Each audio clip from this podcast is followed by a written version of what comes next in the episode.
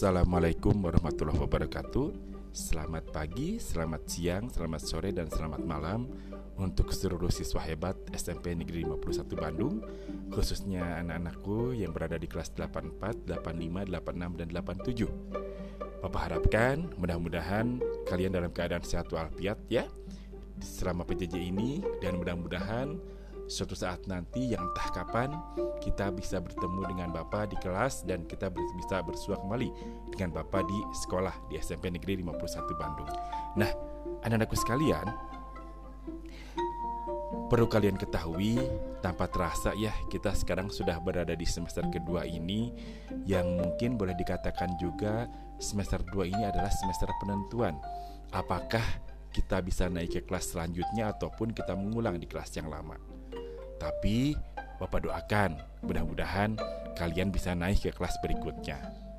Nah, anak-anakku sekalian, sesuai dengan perubahan semester juga, kalau di semester yang lalu kita belajar tentang pendidikan penyalahgunaan narkoba, kalau semester ini kita akan berkenalan dengan KRR, Kesehatan Reproduksi Remaja.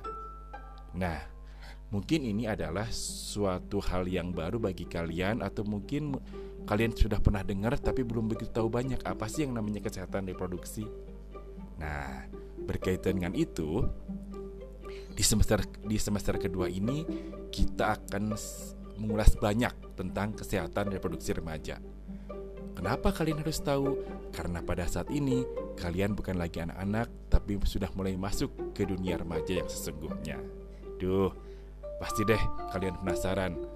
Kenapa sih badan saya kok berbeda dengan waktu di SD atau kok kenapa sih berat badan saya sekarang segini waktu di SD segini atau kenapa sih suara saya kok berubah itu merupakan ciri-ciri bahwa kalian sudah mulai memasuki masa puber atau masa peralihan dari anak-anak menuju ke remaja. Nah, anak-anakku sekalian, perlu kalian pahami juga ada berbagai macam topik yang akan kita bahas atau yang akan kita diskusikan pada kesempatan ini yang pertama yaitu diskusi pembuka. Nah, kalau untuk diskusi pembuka kita sudah pernah bahas di Google Meet waktu itu ya. Bahkan ada beberapa orang teman kamu yang sudah merespon. Ternyata semester ini adalah semester penentuan dan aku sudah istilahnya merupakan bagian daripada remaja. Nah, topik satu kita akan membahas aku dan tubuhku. Kata orang Inggris bilang me and my body. Itu kata orang Inggris bilang gitu ya. Nah, aku dan tubuhku ini tujuannya untuk apa, Pak? Kita belajar aku dan tubuhku. Mungkin di antara kalian ada yang bertanya seperti itu. Pertama, kalian mengetahui anatomi dan organ reproduksi laki-laki dan perempuan. Kamu harus tahu organ uh, produksi laki-laki namanya penis, yang perempuan namanya vagina, gitu ya. Terus yang kedua, kalian mengetahui fungsi dari organ reproduksi laki-laki dan perempuan karena masing-masing organ reproduksi itu ada kegunaannya, ada kegunaannya dan juga ada fungsinya juga. Yang ketiga, kalian mengetahui cara menjaga kebersihan organ reproduksi. Bagaimana cara beristinja yang baik untuk laki-laki dan perempuan? Kalau kata istilah agama bilang ya, khususnya agama Islam. Nah, di topik yang kedua kita akan belajar tentang menstruasi dan mimpi basah. Nah, mungkin ini adalah suatu hal yang menarik bagi kalian gitu ya. Ketika kalian menstruasi itu kira-kira harus ngapain aja dan tidak boleh ngapain aja gitu ya. Begitupun untuk laki-laki. Apa sih yang namanya mimpi basah? Kira-kira terjadinya kapan nih? Mimpi basah itu apakah besok, apakah hari ini atau apa atau kapan yang jelasnya? Nanti kita bahas di topik 2 ya. Tujuannya untuk apa? Kita harus mengetahui menstruasi dan mimpi, mimpi uh, dan mimpi, dan mimpi basah gitu ya.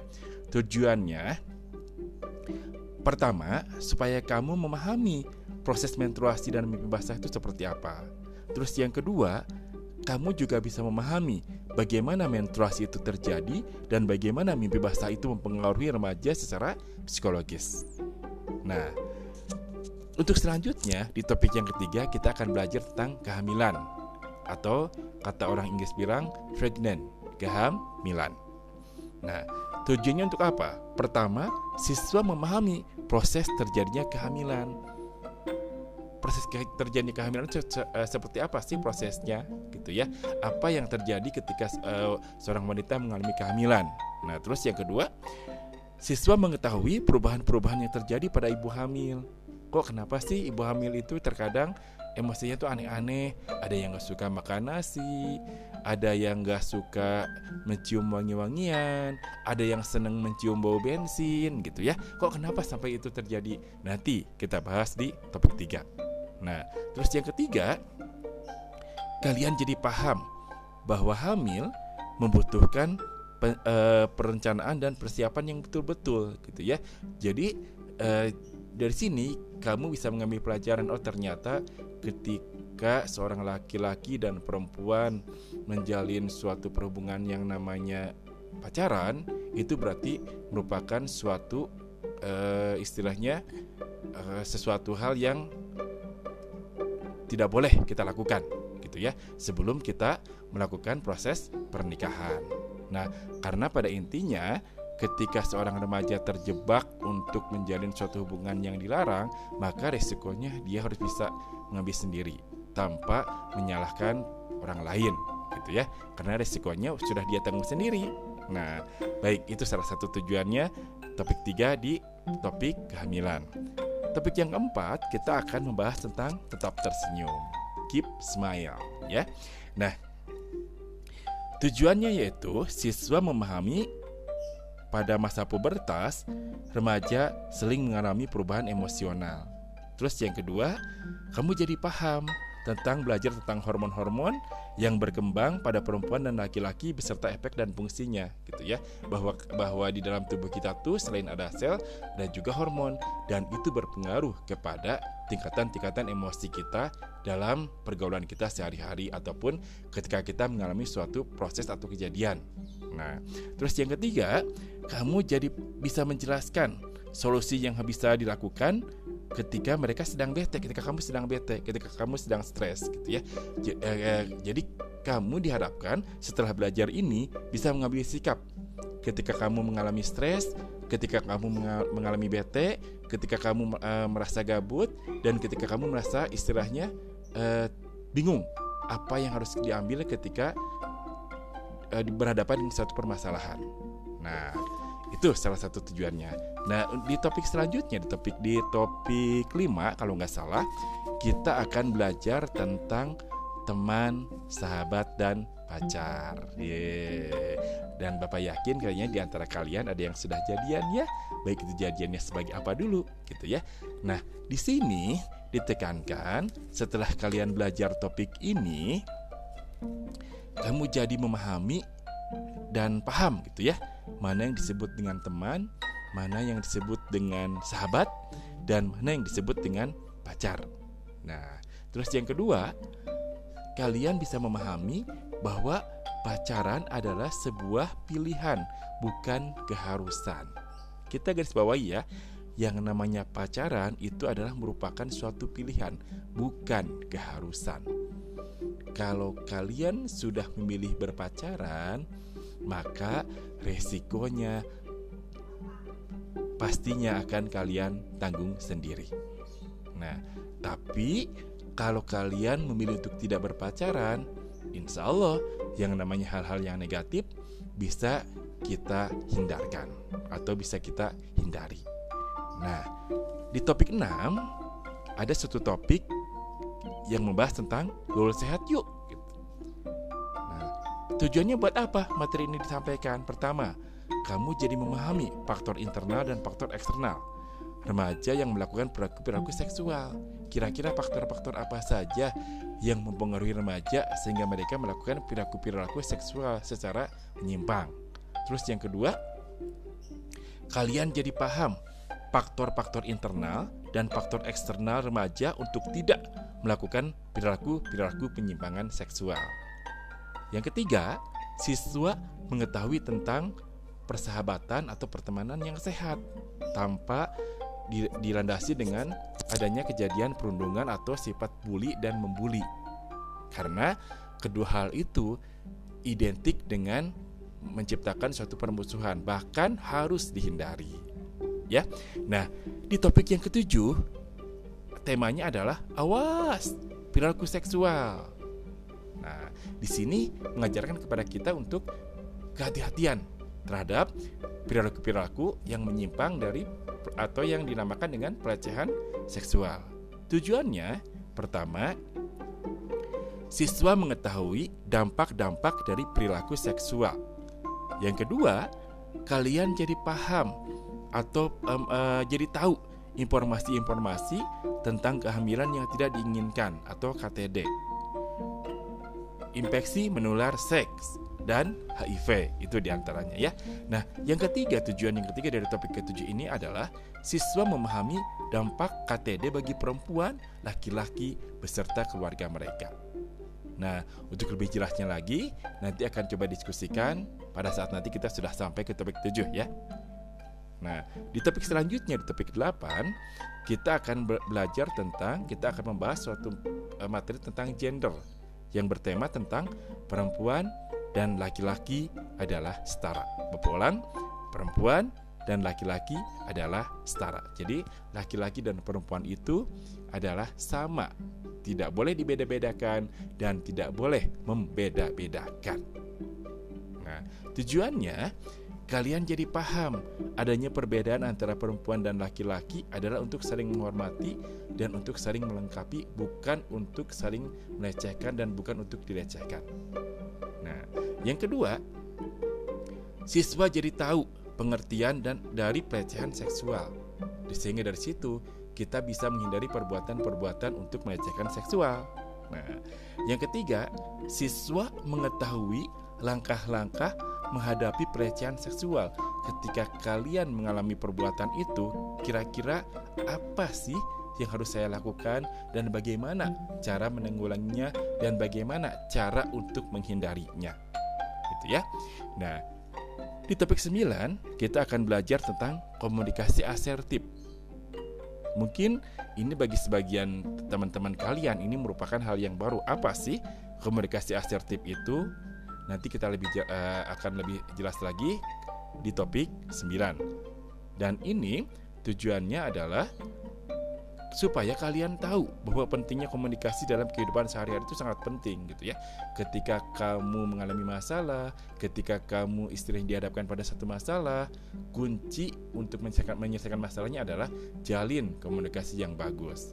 Nah, tujuan kedua Siswa mengetahui pengertian dan komunikasi asertif. Bagaimana sih cara menolak ajakan teman kita ketika kita tahu bahwa dia mengajakin gak bener atau ketika kita tahu bahwa dia mengajak untuk melakukan hal-hal yang negatif di sini uh, nanti akan kita paparkan. Nah, yang ketiga, kamu jadi memiliki keterampilan dalam berkomunikasi secara asertif, tapi dengan tujuan tidak ada yang tersinggung dengan apa yang kita sampaikan atau dengan apa yang kita bicarakan.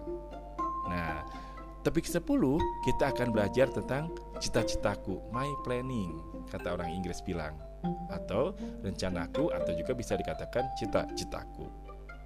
Nah, anak-anakku yang hebat, kenapa tujuan ini harus disampaikan kepada kalian? Pertama, kenapa tujuan dari topik ini maksud Bapak ya? Harus disampaikan kepada kalian. Pertama, kalian jadi mendapatkan informasi yang bagus atau informasi yang tepat mengenai apa saja yang harus dilakukan oleh seorang profesi ketika kamu akan menggeluti profesi, profesi tertentu dalam rangka menentukan cita-cita kalian gitu ya. Jadi di sini kalian bisa mendapatkan informasi mengenai apa saja yang harus dilakukan oleh seorang profesi tertentu dalam rangka menentukan cita-cita kalian gitu ya. Ketika kalian ingin bercita-cita jadi dokter, kira-kira persiapan apa saja sih yang harus kamu lakukan untuk mewujudkan cita-cita tersebut? Ketika kalian bercita-cita ingin jadi seorang uh, teknisi, kira-kira apa aja sih uh, yang harus kalian lakukan ketika kalian akan bergelut di bidang itu? Ya. Ataupun ketika kalian akan bercita-cita ingin jadi seorang guru kira-kira pendidikan apa yang mesti kalian peroleh uh, untuk mendapatkan profesi tersebut? Nah itu hanya sekedar contoh ya. Terus yang kedua kalian bisa membuat langkah-langkah nyata secara secara real gitu ya. Agar agar uh, kalian istilahnya maaf agar kalian istilahnya bisa mempersiapkan dari sekarang. Kira-kira apa yang harus saya lakukan ketika ketika saya bercita-cita ingin jadi seorang apa gitu ya. Nah, sehingga di sini kalian istilahnya bisa mempersiapkan masa depan kalian hari ini.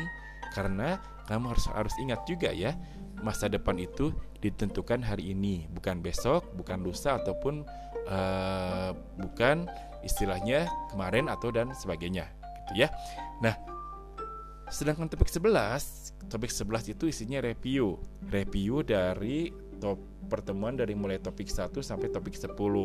Jadi di sini tujuannya siswa memahami inti pelajaran pendidikan kesehatan reproduksi dari topik 1 sampai topik 10. Dan tujuannya yaitu ketika kamu selesai belajar topik ini, minimalnya kamu jadi remaja yang hebat, sehat, dan jadi remaja yang sangat luar biasa. Nah, baik anak-anakku sekalian, mungkin itulah uh, sedikitnya gambaran materi yang akan kita pelajari di topik ini.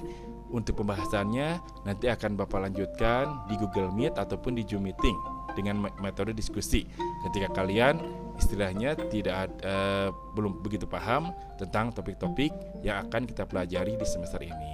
Nah, mungkin itu aja eh, informasi yang Bapak sampaikan buat anak-anakku di kelas 8 dari mulai 84, 85, 86, 87 dan umumnya untuk seluruh siswa kelas 8 SMP Negeri 51 Bandung.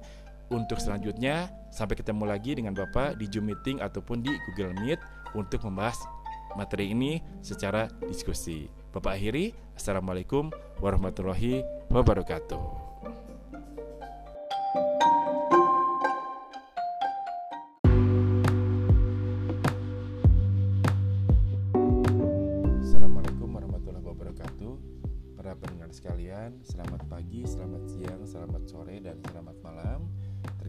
Kalian membuka podcast saya pada kesempatan kali ini.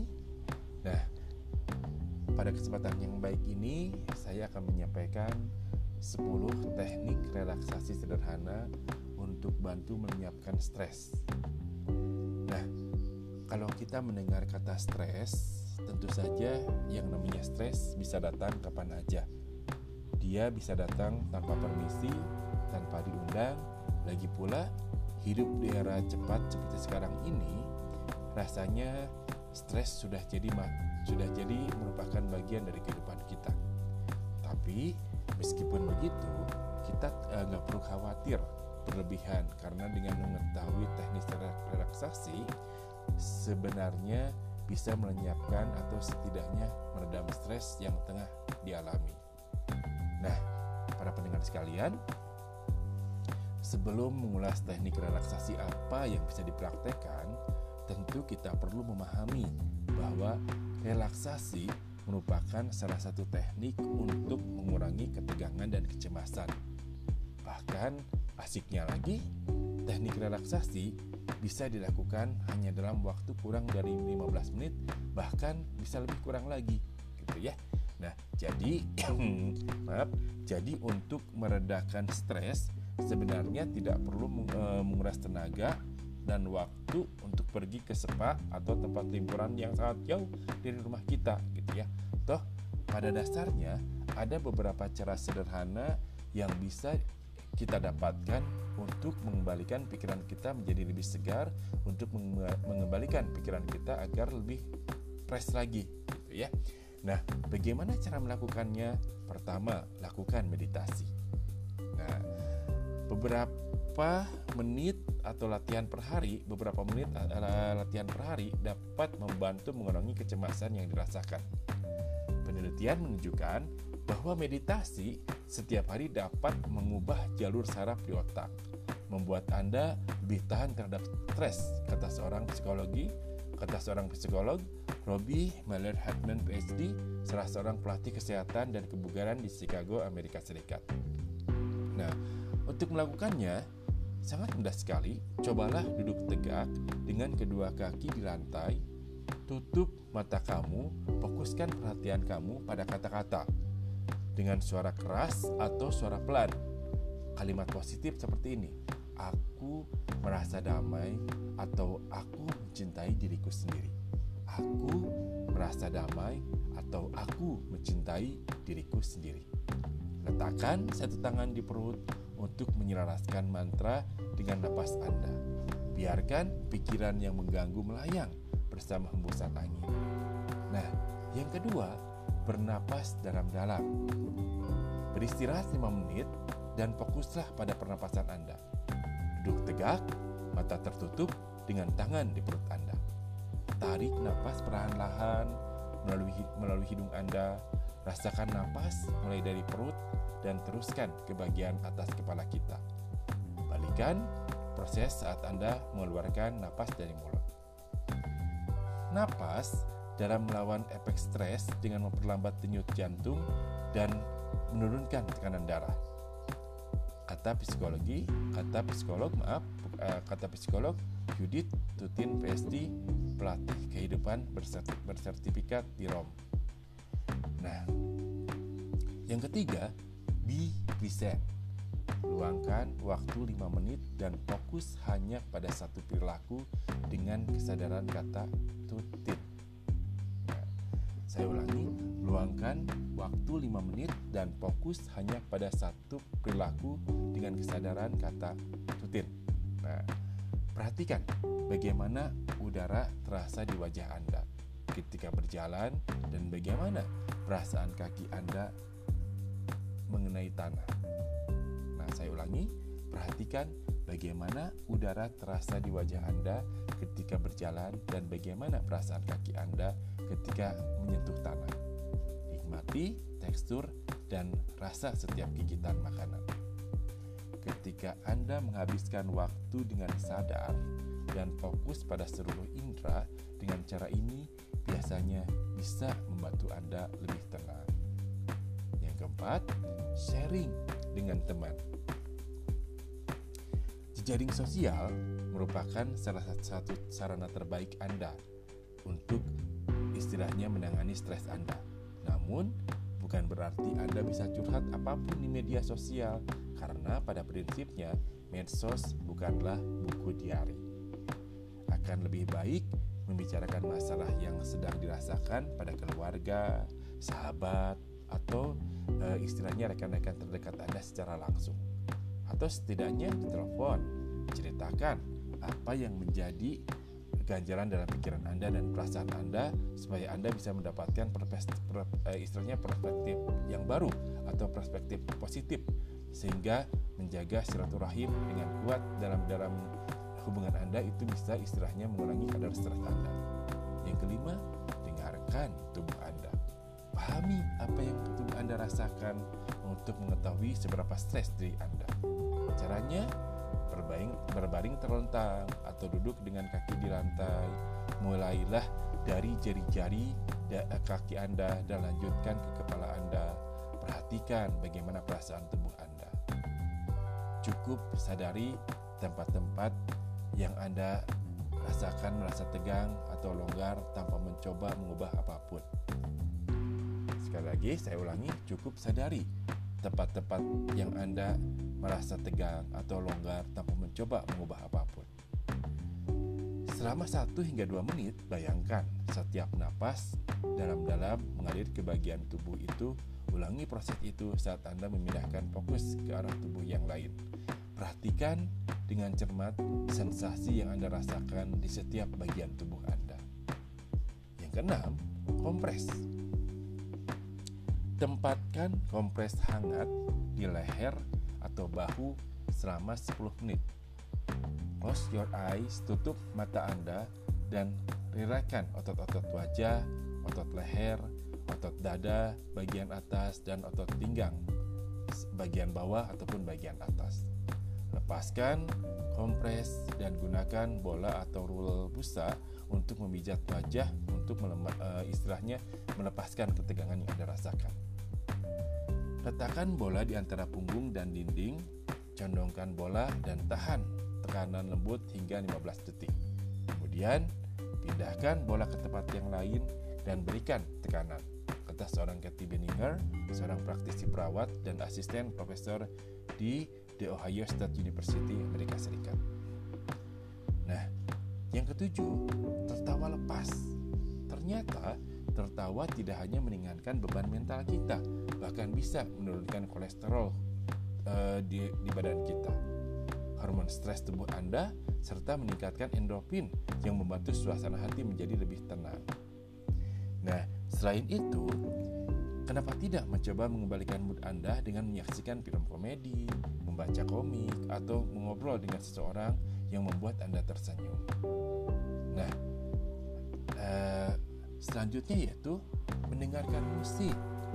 Nah, para pendengar sekalian, ada penelitian menunjukkan bahwa mendengarkan musik yang menyenangkan dapat menurunkan tekanan darah, detak jantung, dan kecemasan yang kita alami.